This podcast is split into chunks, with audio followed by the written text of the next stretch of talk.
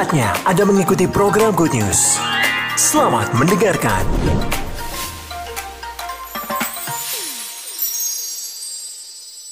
Puji Tuhan, Shalom saudaraku kasih Tuhan. Baik saudaraku saya mulai dari pergumulan yang saya jalani. Dalam rangka tanggung jawab yang Tuhan percayakan, yang Tuhan berikan kepada saya sebagai hamba Tuhan untuk menggembalakan domba-domba kepunyaannya. Ada saat di mana saya sepertinya tidak mengetahui lagi apa yang harus saya lakukan. Kecuali kalau hanya saya memutar kegiatan-kegiatan yang sudah saya jalani. Yang saya maksudkan adalah apa Tuhan yang sesungguhnya yang harus kami lakukan hari-hari ini. Terutama menyongsong kedatangan Tuhan pada kali yang kedua di tengah perubahan iklim, di rumah perubahan kehidupan dunia yang sangat dinamis hari-hari ini. Karena waktu yang semakin pendek dan sepertinya waktu ini berputar begitu cepat. Sehingga itu mendorong saya dan saudara untuk melakukan segala sesuatu dengan lebih efisien, lebih efektif. Mengena begitu. Jadi jangan sampai kita ini buang-buang waktu karena saya, saya dan saudara sudah diperingatkan dalam Efesus pasal 5. Pergunakanlah waktu yang ada Sebab hari-hari ini apa? Jahat. Dalam rangka itulah, ya kalau Tuhan izinkan saya tidak bisa tidur nyenyak.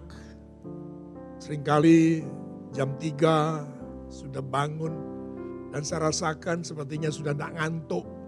Saya mulai mengerti apa yang Tuhan inginkan untuk saya lakukan. Sehingga saya harus bertanya, ngomong-ngomong sama Tuhan. Tidak saya pakai doa, tapi ngomong-ngomong sama Tuhan. Yang saya anggap karena Tuhan itu adalah sahabat saya, juga sahabat saudara. Dia adalah sahabat yang setia, bukan? Mari berikan dulu tepuk tangan saudara bagi Tuhan. Untuk itu sering kali saya memakai kata, kalau saya mengajak saudara untuk menyembah, atau saudara mengajak saudara untuk berdoa, ayo mulai berkata-katalah kepada Tuhan. Yang artinya saya sederhanakan. Karena pintu sebenarnya oleh Tuhan itu sudah terbuka lebar. Sekalipun ada saatnya pintu itu akan nanti ditutup. Dan berapa kali saya mendapat pernyataan. Sampai-sampai satu saat saya menghubungi Pak Sudiono karena Tuhan ingatkan. Apa yang pernah kau tulis, kata Tuhan. Tuhan tidak memberikan penjelasan yang lebih longgar, yang lebih jelas begitu. Sehingga waktu itu saya minta pada Pak Sudiono dan dilakukan oleh Bu Siska. Yaitu buku-buku yang pernah saya tulis. Itu pun mungkin satu minggu baru saya buka. Karena Tuhan ingatkan lagi. Begitu saya buka, saya baca inti daripada apa yang saya tulis di situ. Tuhan merasa, saya merasa bahwa Tuhan mengarahkan pada buku yang saya tulis warna hijau itu. Yang intinya tentang manusia baru. Sejak saat itu Tuhan itu terus mengingatkan bagaimana sebenarnya siapa itu manusia baru. Dan sebenarnya apa yang menjadi bukti kalau saya dan saudara manusia baru. Dan apa tanggung jawab seorang yang menyebut dirinya manusia baru. Itu terus yang muncul. Saudara yang dikasih Tuhan tetap dalam konteks pergunakanlah waktu yang ada. Sebab hari-hari ini jahat. Maka ketika saya membaca kembali ringkasan-ringkasan atau inti apa yang saya tulis di sana, hanya saya mendapat peneguhan bahwa bagi Tuhan sepertinya tidak ada negosiasi atau tawar-menawar. Yang saya ingin katakan, apa yang disampaikan Tuhan, apa yang Tuhan kehendaki, itu sesuatu yang memang harus kita lakukan. Karena akan datang masanya, seperti saya katakan tadi, sudah saya singgung. Sekalipun nampak sekali bahwa pintu itu terbuka lebar hari-hari ini. Yang artinya sebagaimana Tuhan juga ingatkan tentang materi tujuh jemaat yang sudah saya sampaikan. Tetapi di dalamnya begitu banyak hal peringatan-peringatan yang keras dari masing-masing jemaat. Tentu kecuali yang Philadelphia. Tapi apa yang dikatakan Tuhan, kesempatan masih diberikan untuk kita berbenah diri. Yang tidak berarti saudara harus mulai dari nol. Tapi apa yang memang belum dilakukan harus dilakukan. Saya ingin menyampaikan ini dan sebenarnya kalau maksud hati saya sepertinya saya ingin sampaikan pada kesempatan pertemuan yang lebih banyak orang. Itu maksud saya sebagai manusia. Tapi Tuhan tetap katakan tadi pagi sampaikan nanti malam. Saudara yang dikasih Tuhan, yang artinya berbagai saudara yang mendengarkan. Tetapi saudara punya tanggung jawab untuk memberitakan kepada yang lain. Yang siap mari berikan tepuk tangan kepada Tuhan Yesus. Saudara yang dikasih yang Kristus Yesus Tuhan. Yaitu tentang apa yang sebenarnya harus dilakukan sebagai orang yang sudah dipilih oleh Tuhan dalam sisi kita sebagai manusia, sebagai orang yang sudah bertobat. Yang sudah beroleh pengampunan dosa. Yang beroleh kasih karunia daripada Allah dalam Kristus Yesus Tuhan. Sebagaimana pernah saya sering saya singgung tentang bagaimana pertanyaan dari Nikodemus. Karena dia adalah seorang dosen teologi. Dia datang kepada Yesus malam hari supaya tidak banyak orang mengetahui ada apa itu sang dosen, guru besar, kok datang ke tempat kediaman Yesus. Jawaban daripada Yesus itu lugas, langsung mengarah bahwa kamu harus dilahirkan kembali. Barang siapa tidak pernah dilahirkan kembali, tidak mungkin kamu melihat masuk dalam kerajaan Allah. Jadi sesuatu yang sangat penting untuk kita hari ini mengerti dan menjalani. Saudara, saya mau lihat tadi pagi dalam renungan kata hati. Di mana sebenarnya Tuhan intinya dalam menghendaki supaya kita ini Tidak sekedar percaya. Tapi benar-benar kita sudah menjadi atau kita sudah lahir baru. Mendapat penyebutan sebagai manusia baru. Dan itu tidak titik. Tapi koma. Kalau saja saudara sekarang ini menjadi orang percaya, puji Tuhan. Tapi Tuhan lebih mengendaki saudara percaya harus menjadi manusia baru.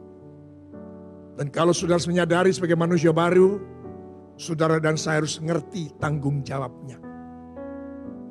Ini yang lebih disukai oleh Tuhan. Sehingga tema malam hari ini sudah saya bagikan tentang manusia baru yang hidup bagi kepentingan Allah.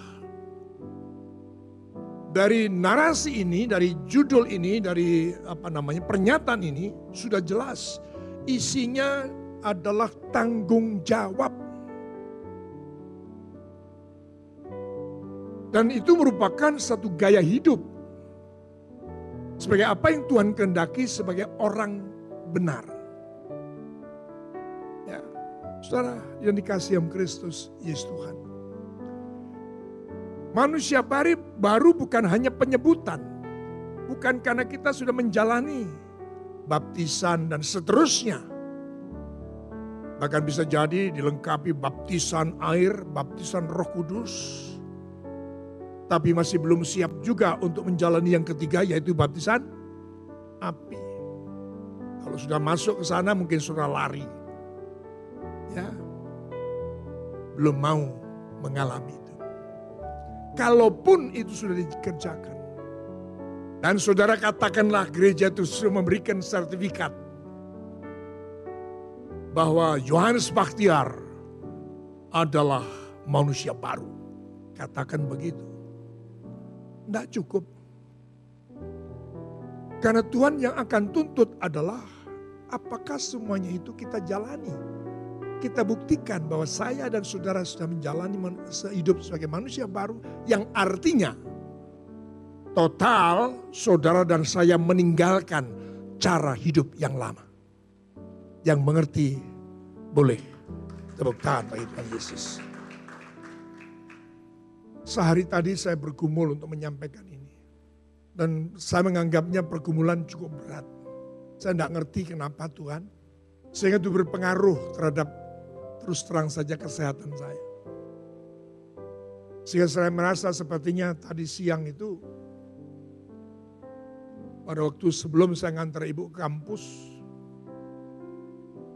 sepertinya saya ini merasa punya kesempatan untuk menunjukkan atau membuktikan bahwa saya sehat.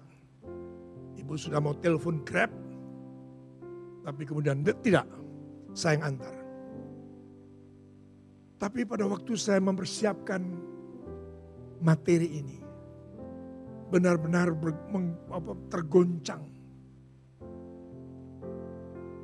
Karena intinya adalah ini sesuatu yang sebenarnya tidak boleh lagi ditawar. Hanya dimengerti tapi tidak dijalani. Karena tuntutannya itu kita di, di, di, dikendaki oleh Tuhan supaya kita menjalani hidup kita hari ini ke depan itu sebagai hidup orang benar. Yang tidak lagi kompromi dengan hal-hal yang duniawi. Saya sempat nawar tadi sama Tuhan. Tuhan, tapi buktinya begitu banyak bahkan saya akui hambamu sendiri aja tidak sebagaimana apa yang kau kendaki hidup sebagai orang benar. Tetapi engkau juga masih menjawab doa-doa. Dan menyediakan segala keperluan-keperluan kami. Tuhan menjawab itu semua karena kemurahanku. Itu semuanya karena anugerahku. Tapi itu kan berarti saya dan saudara ini tidak harus melakukan apa yang Tuhan kehendaki sebagai orang percaya yang intinya adalah harus hidup lahir baru, menjalani kehidupan sebagai manusia baru. Mari kita mulai menelusuri. Kita baca terlebih dahulu 2 Korintus 5, ayat 14 sampai 17. Ini nanti saudara di rumah suruh baca satu perikop ya. Tapi saya ambil intinya. 14 sampai 17. Sebab kasih Kristus yang menguasai kami.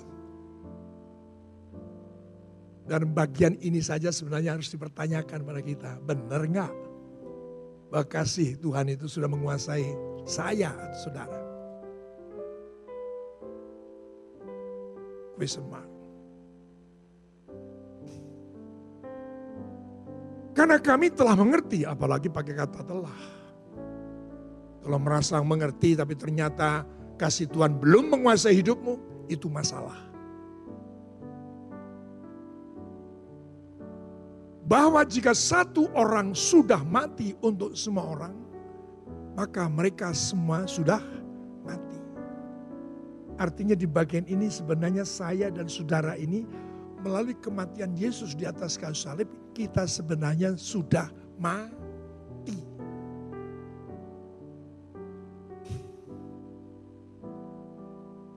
yang tidak lagi boleh mendapatkan argumentasi, penjelasan. Tapi itu yang harus kita akui. 15. Dan Kristus telah mati untuk semua orang.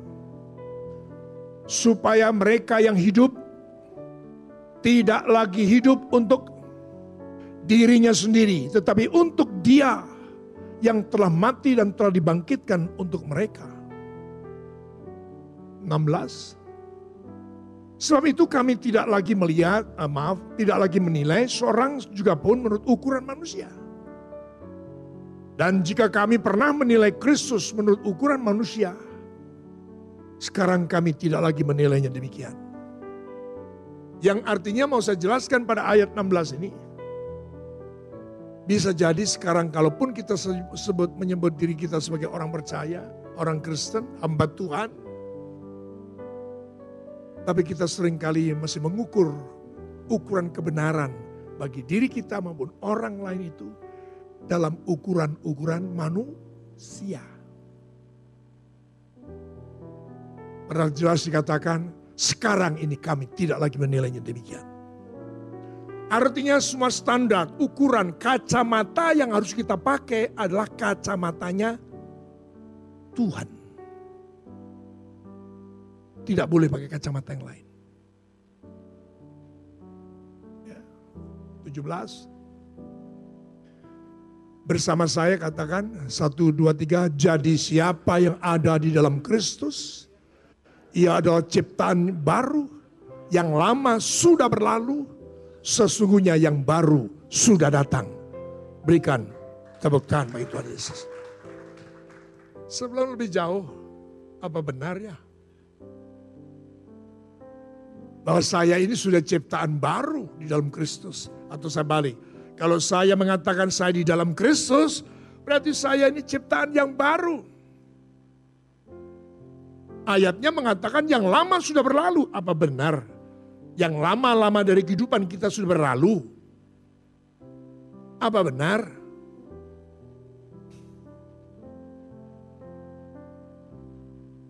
Saudara yang dikasih yang Kristus Yesus Tuhan. Pak Franky akan membantu menayangkan catatan saya. Tujuannya adalah Tuhan mengendaki supaya saya dan saudara ini kedapatan hidup sebagai orang benar Bagian-bagian dari kehidupan orang benar sudah pernah saya sampaikan dalam khotbah-khotbah sebelumnya. Bahwa kalau saya, saya dan saudara memastikan hidup sebagai orang benar, saudara dan saya tidak boleh lagi khawatir tentang hari ini, tentang hari yang akan datang, tentang anak cucu kita, hari ini maupun yang akan datang. Sebab kalau saya kedapatan di mata Tuhan, sekali lagi, di mata Tuhan, Jangan pakai kacamata yang lain. Di mata Tuhan saya benar-benar keberadaannya hidup sebagai orang benar. Maka Tuhan yang bertanggung jawab atas kehidupan saya dan saudara. Mari berikan tepuk tangan. Jadi ayat dalam Filipi 4 ayat 19 itu tidak berdiri sendiri. Allahku yang akan memenuhi segala keperluanmu menurut kekayaan dan kemuliaannya dalam Kristus Yesus Tuhan. Yang sebenarnya itu ditujukan hanya kepada mereka yang hidup sebagai orang benar. Yang tidak akan pernah dikuasai oleh kekhawatiran, kegelisahan. Bagaimana anak saya, saya sibuk sekarang kan menjadi harta kekayaan untuk meninggalkan warisan pada anak cucu. Tidak perlu lagi. Sebab Tuhan sudah menjamin. Sebagaimana dikatakan dalam Mazmur 37 ayat 25. Dulu aku muda, sekarang sudah menjadi tua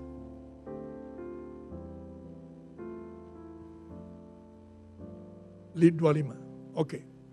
Sekarang setelah menjadi tua. Tetapi tidak pernah melihat orang benar ditinggalkan.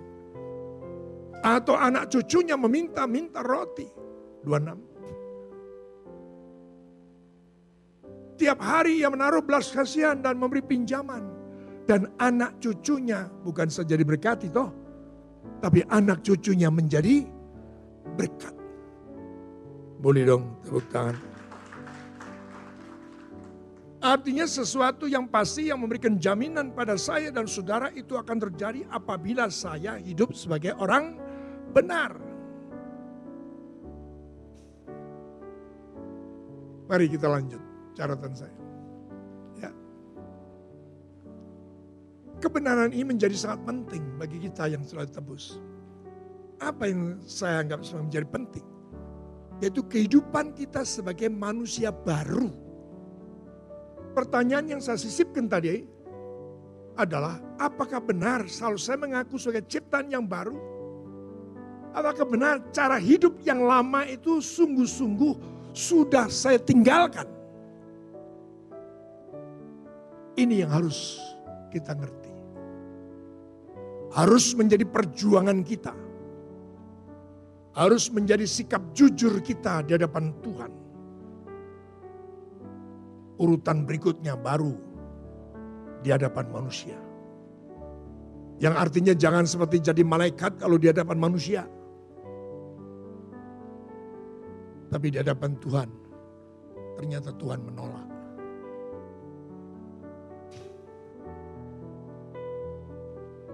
Saya katakan ini sebagai hakikat dari maksud dari karya penebusan di kayu salib. Untuk menjadikan manusia-manusia baru. Sehingga diperlukan pun tidak bisa nih. Katakan ini dialog antara Bapak sama anak sama Roh Kudus. Kalau itu yang kita kendaki supaya umatku itu tidak binasa. Ya. Maka saya harus datang ke dalam dunia ini. Untuk mati. Menebus dosa-dosa umat manusia. untuk menjadikan mereka manusia baru. Yang lahir baru. Kelahiran daging sudah kita jalani. Tapi apakah kelahiran roh sudah pula kita jalani? Dan ini menjadi satu sangat yang penting. Sehingga maksud daripada karya salib itu ternyata hanya untuk supaya membuat saya dan saudara sebagai orang percaya pengikut Kristus lahir baru. Mutlak artinya. Mari sekali lagi berikan dulu tepuk tangan saudara begitu aja. Jadi saya sebutkan itu tadi, sebenarnya tulisan saya tidak ada kuning dan putih, tapi Pak Franky yang menghayati sehingga dikasih warna. Lebih mantap lagi. Maksudnya kemanusiaan baru ini menjadi sesuatu yang mutlak. Tidak bisa hanya jadi catatan. Tidak bisa. Menjadi pengetahuan atau bagi pengertian. Tidak bisa. Harus menjadi sesuatu yang kita jalani. Diteguhkan kembali dalam 2 Korintus 5 ayat 17. Intinya sama. Ya. 2 Korintus 15, 5 ayat 17 jadi siapa yang ada dalam Kristus, ia adalah ciptaan yang baru yang yang lama sudah berlalu, sesungguhnya yang baru sudah datang. Kalau saya baca ulang lagi di bagian ini, saya katakan kemanusiaan baru kita itu mutlak. Makanya saya tanyakan tadi di depan, apakah benar cara hidup yang lama sudah kita tinggalkan? Saudara yang dikasih dalam Kristus Yesus Tuhan. Kita baca sekarang dalam Kolose 3 ayat 9 dan 10. Jangan lagi kamu saling mendustai. Karena kamu telah menanggalkan manusia lama serta kelakuannya. Coba jujur, benar-benar nggak ada dusta di antara kita.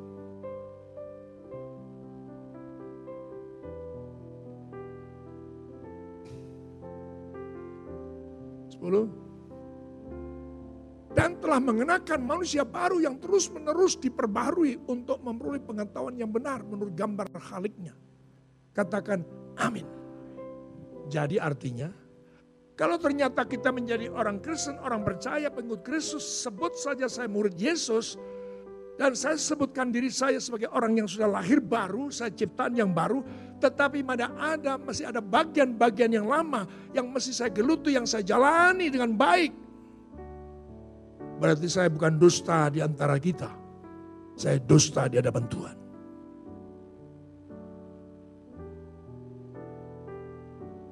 Terus terang ada bagian-bagian yang saya perhalus dalam paparan saya. Tapi ketika asli saya berhadapan dengan Tuhan, berat sebenarnya menyampaikan ini.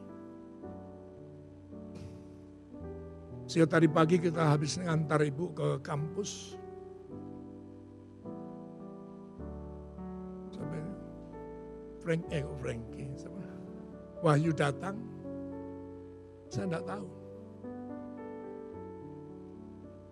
Saya tiduran di kursi, jadi merasa kaki saya ini kok rasanya lemah lagi ya. Padahal di dalam ini saya bergejolak. tentang apa kata Tuhan dan apa yang menjadi kehendak Tuhan untuk saya harus sampaikan kepada umat Tuhan. Tapi karena Tuhan mengasihi saya lebih-lebih, mengasihi saudara semuanya, saya harus tetap menyampaikannya. Mari berikan. Jadi simpulkan cepat teguran Tuhan, nasihat Tuhan, bahkan terus teguran Tuhan bahkan bisa jadi disertai dengan peringatan-peringatan keras. Tangkap itu.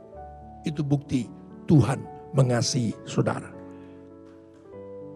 Amin. Jangan ragu-ragu kalau tepuk tangan sama Tuhan Yesus. Berikutnya saudaraku yang kasih Tuhan. Saya katakan ini menjadi nampak sekali bahwa hanya dengan kemanusiaan baru kita mampu menikmati hidup di dalam Yesus. Tanpa kemanusiaan baru, tanpa kelahiran baru, tidak mungkin. Mungkin sebagai pengetahuan, ya. Tapi dalam menjalani kehidupan, tidak mungkin kita bisa menikmati akan kedaulatannya, dekapan kasihnya, bebas dari kegelisahan, bebas dari khawatir, bebas dari takut penuh ucapan syukur, tetap ada dalam damai sejahtera dalam masalah yang seberat apa pun. Saudara kedapatan tetap santai, tetap teguh percaya apa pun yang sedang kau alami. Tetap percaya bahwa Yesus Kristus tidak pernah sekali-kali meninggalkan kita. Mari berikan tepuk jadi tidak ada tawar menawar, tidak ada sesuatu yang dipending sebenarnya dengan kemanusiaan baru yang Tuhan tuntut. Karena dua kali Tuhan berkata kepada Nikodemus, kamu harus dilahirkan kembali. Jelas. Kita baca sekarang, kita mulai apa yang seharusnya kita lakukan. Juga kamu yang dahulu hidup jauh dari Allah. Dan yang memusuhinya dalam hati dan pikiran seperti yang nyata dan perbuatanmu yang jahat. Sekarang diperdamaikannya dalam tubuh jasmani Kristus. Saya selalu sebut ya. Selalu karya salib saya sebut terus saya sebut. Karena tidak ada hidup, tidak ada pengharapan tanpa salib. Sekarang diperdamaikannya dalam tubuh jasmani Kristus oleh kematiannya untuk menempatkan kamu apa? Kudus dan tak bercela dan tak bercacat di hadapannya. Katakan amin. Katakan amin dan beri kembali tepuk tangan. Nggak bisa lagi seperti yang pernah saya katakan pada saudara dalam penyampaian pesan-pesan profetik dari Tuhan. Ini saatnya kita jalani hidup selaras dengan doa kita. Seperti ambil contoh, kita berdoa supaya kota ini diselamatkan, bangsa ini diselamatkan. Tapi kedapatan saya dan saudara tidak menjalani kebenaran. Doa itu. Tidak kita jalani, kita hidup sebagai manusia baru, tanggung jawab tidak kita lakukan. Saudara yang dikasih yang Kristus, Yesus Tuhan, yang intinya saudaraku yang dikasih Tuhan, apa yang kita baca dalam Kolose 1, 21 dan 22 itu sebenarnya ada perintah untuk saya dan saudara semuanya mematikan segala sesuatu yang duniawi. Hal mematikan ini akan selanjut dalam pastoral teaching. Ya. Kenapa? Kalau saudara biarkan potensi yang ada pada saudara, saudara biarkan tidak dijagai dengan baik Padahal musuh itu tidak di luar tapi ada di dalam sini. Apa di dalam sini apa? Keinginan kita, hawa nafsu kita, hawa nafsu yang jahat ada di dalam kita bukan di luar sana. Termasuk apa? Kepentingan-kepentingan pribadi itu ada di dalam kita. Kalau itu tidak dibunuh, tidak dimatikan, engkau akan terus tergoda untuk melakukan memenuhi keinginan-keinginanmu. Yang ternyata itu mendatangkan seteru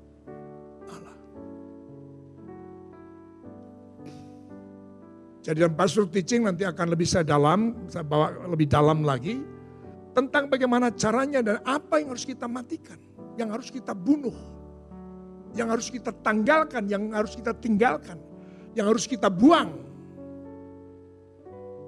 Sebab itu akan mengganggu potensi yang ada dalam sini.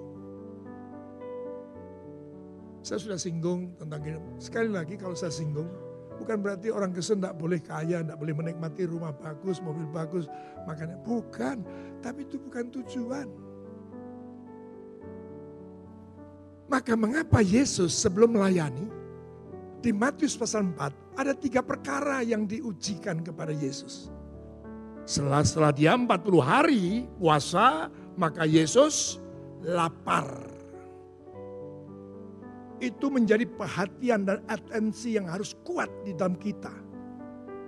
Yang mendahului dijalani oleh Yesus. Lapar bukan hanya soal makan, bukan soal ma, ma, ma, bukan soal roti saja lapar akan nikmat saudara apa yang sudah kejar yang merupakan kebutuhan-kebutuhan jasmania, kebutuhan-kebutuhan duniawi yang memang sebenarnya kita semua masih membutuhkan selama kita hidup dalam dunia masih butuh pakaian, makan dan sebagainya toh. Tapi tangkap kalau itu sudah alami. Katakan lapar beneran. Supaya kamu mengerti bahwa manusia hidup bukan dari roti saja tapi dari firman Allah. Mari berikan tepuk tangan. Yang artinya saudara kalau biasa makan sehari tiga kali, paling tidak saudara juga tiga hari tiga kali sehari untuk makan fir, firman.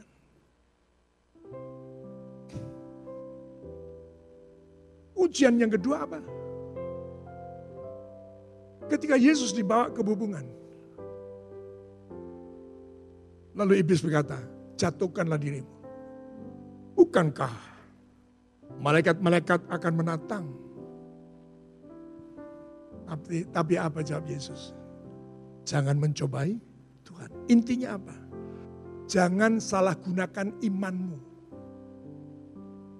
Halo? Jangan pernah menyalahgunakan iman. Oh enggak apa-apa.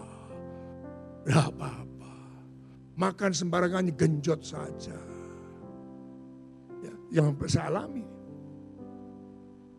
Ya, karena ada jemaat yang mendorong saya untuk sudah Pak mulai hari ini Pak konsumsi Pak makan telur yang hanya tujuh menit Pak.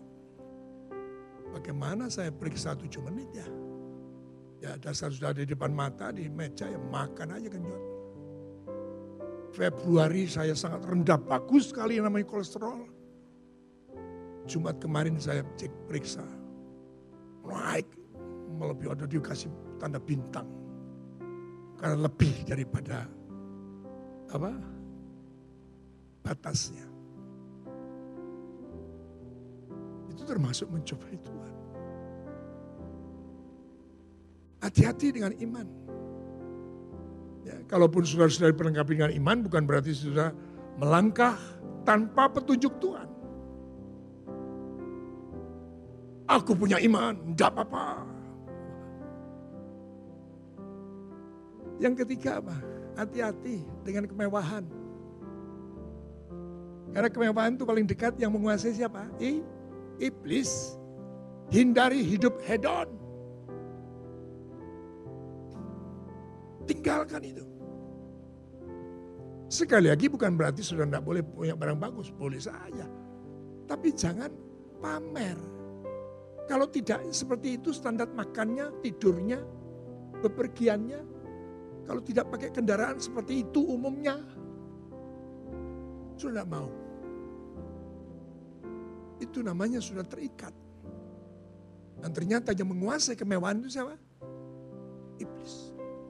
Aku akan berikan semua kemewahan dunia. Asal kamu menyembah aku. Ini saya sisipkan saudaraku supaya saudara dapat memilah apa sih yang sebenarnya Tuhan kehendaki.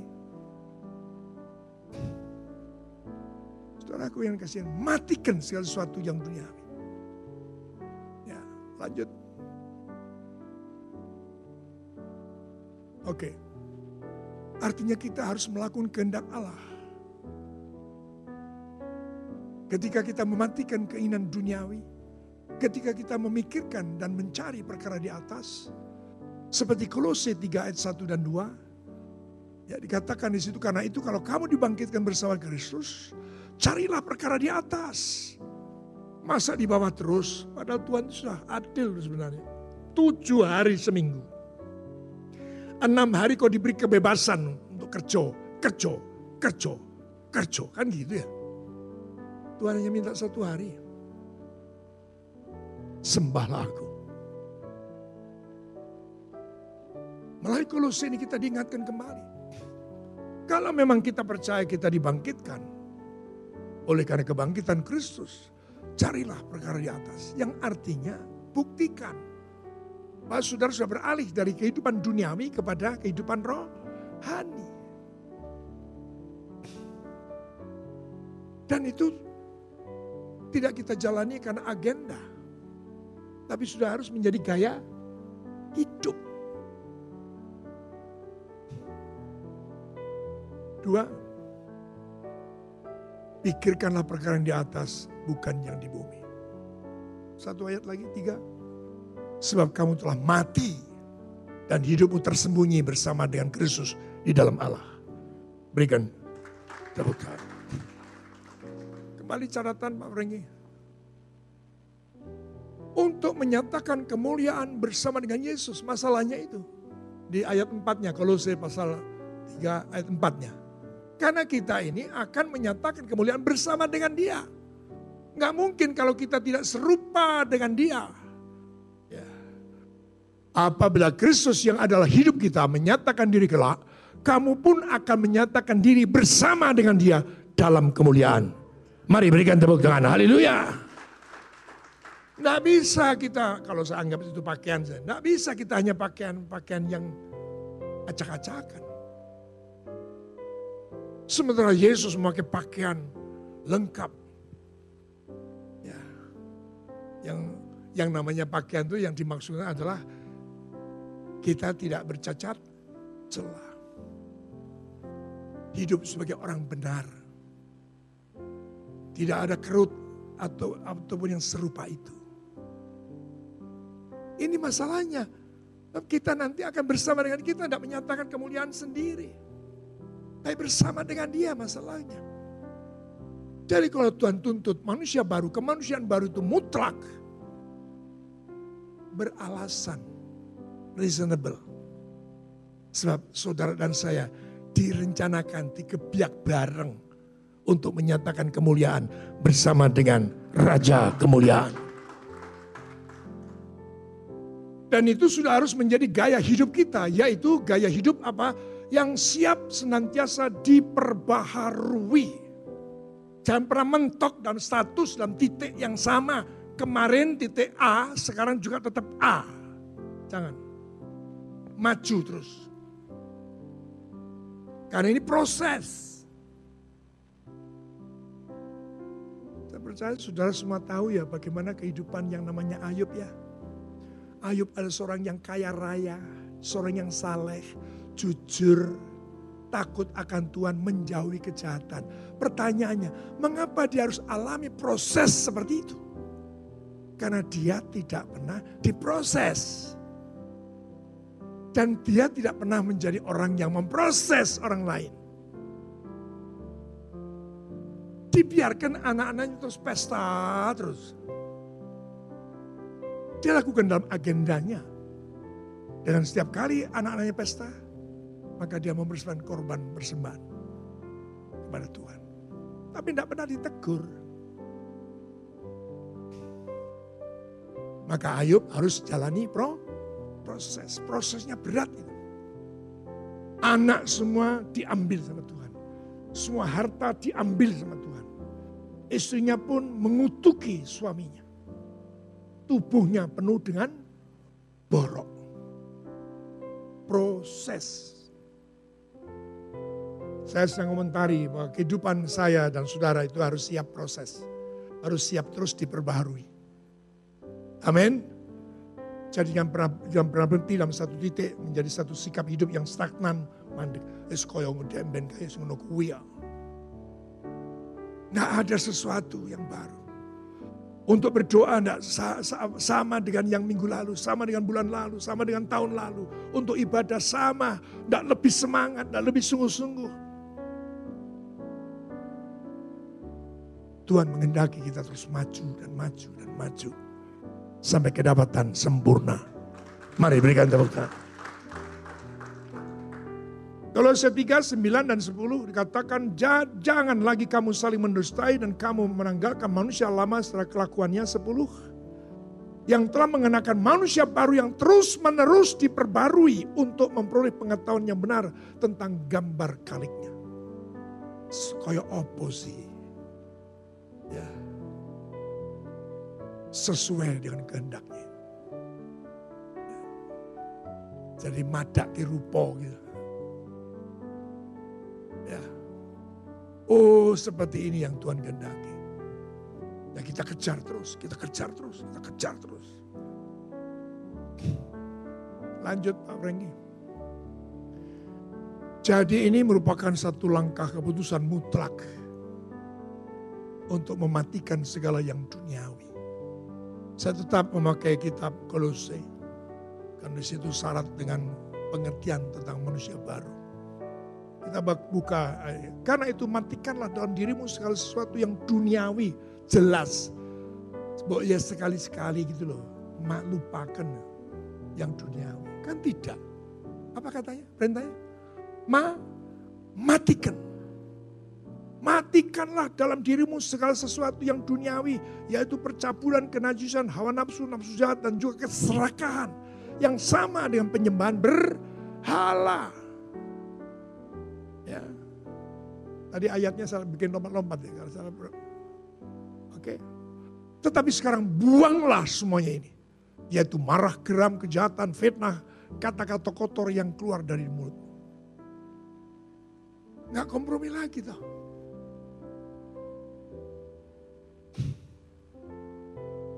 Setelah itu ayat berapa?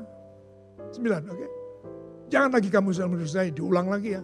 Karena kamu telah menanggalkan manusia lama serta kelakuannya. Katakan amin. Kembali Pak, catatannya. Karena selama ini kita hidup di dunia Mengapa disuruh matikan, buang, tanggalkan, tinggalkan? Mengapa?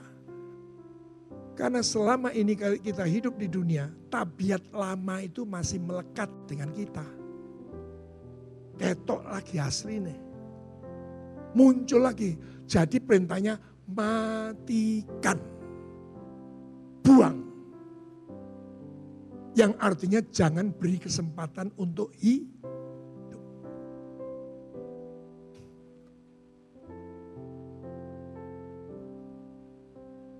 Karena selama kita hidup dalam dunia tabiat manusia lama kita ini masih melekat.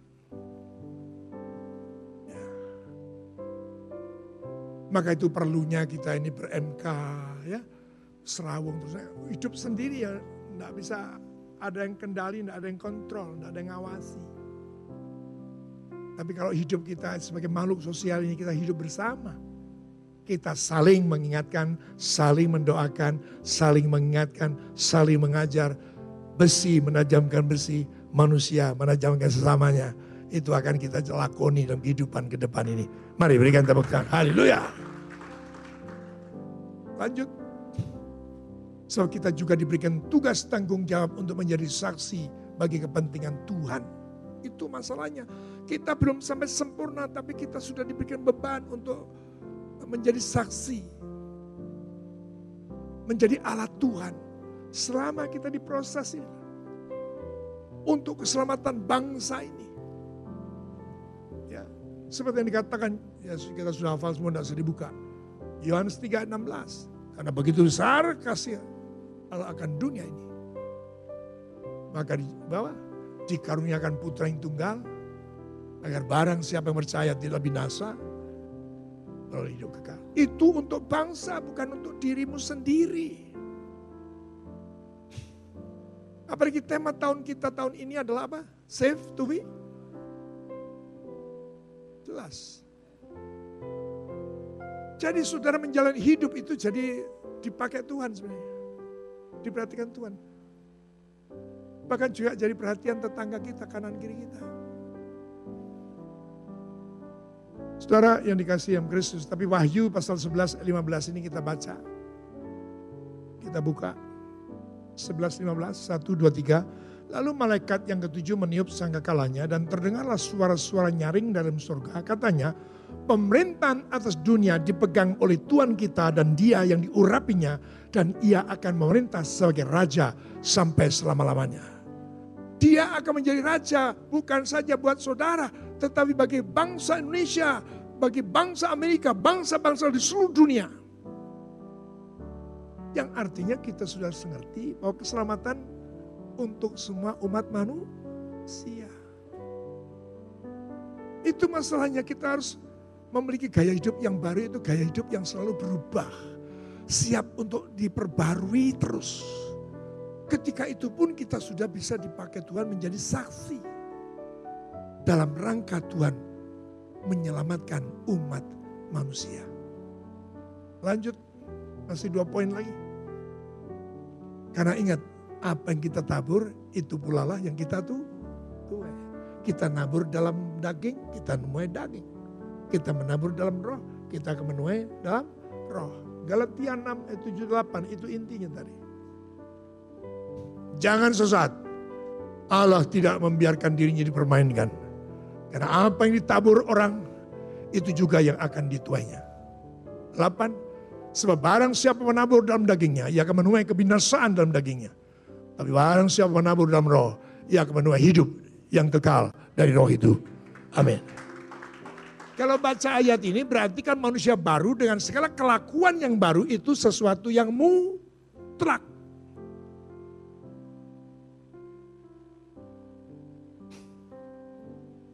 Saya harapkan materi yang saya persiapkan untuk Pastor Ticeng lusa itu akan lebih menjelaskan apa-apa yang sering kali mengganggu kita. Oh set, aduh sudah, aku ndak, ndak, ndak. Tapi akhirnya kalah, ngikuti lagi. Jatuh lagi. Ya. Saya pikir perlu hari-hari ini kita baca-baca, baca sering-sering baca Matius 4 tentang pencobaan Yesus di padang gurun. Baca ulang-ulang tuh. Karena titik lemah daripada manusia. Kita disanjung, dipuji kan langsung pertama lemes kan. Oh, sopo kowe. Jadi som somse.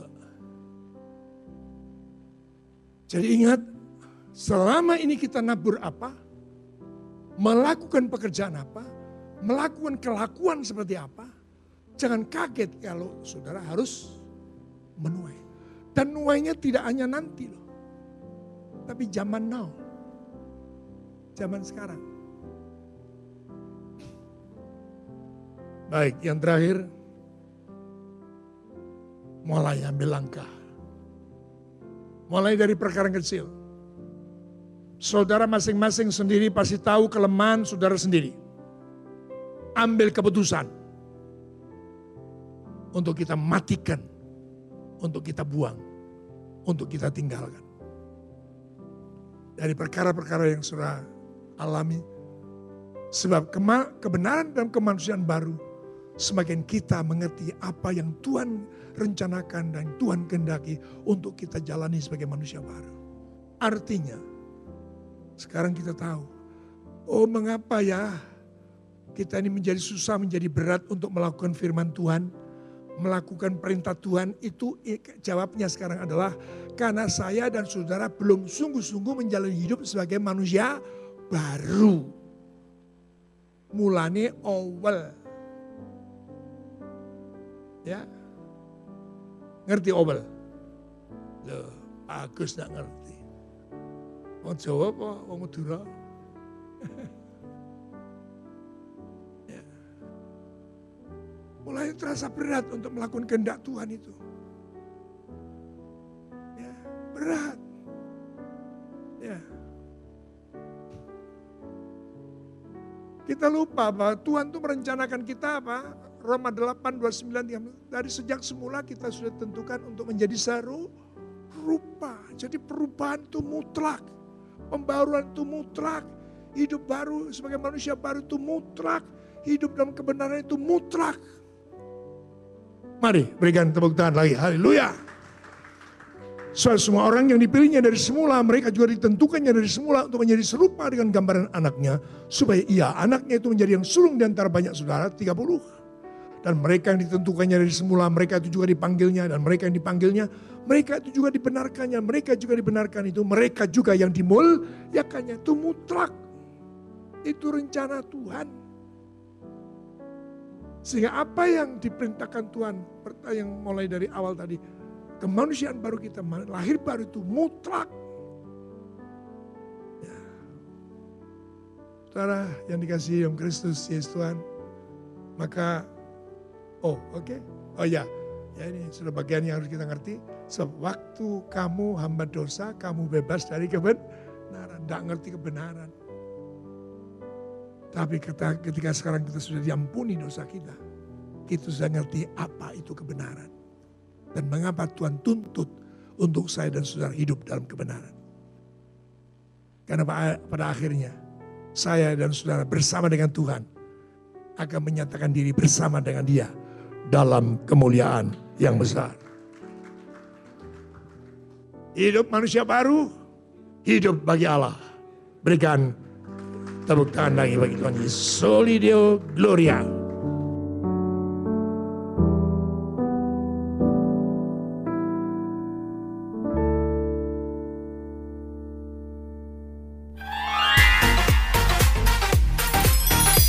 Terima kasih untuk Anda yang sudah mendengarkan program Good News yang dipersembahkan oleh Radio Sejahtera. Untuk Anda yang rindu mendapatkan layanan konseling dan dukungan doa, silakan menghubungi hotline 0812 33 33 6392. Para konselor dan para pendoa Diaspora Sejahtera Caring Ministry siap untuk melayani Anda. Tuhan Yesus memberkati.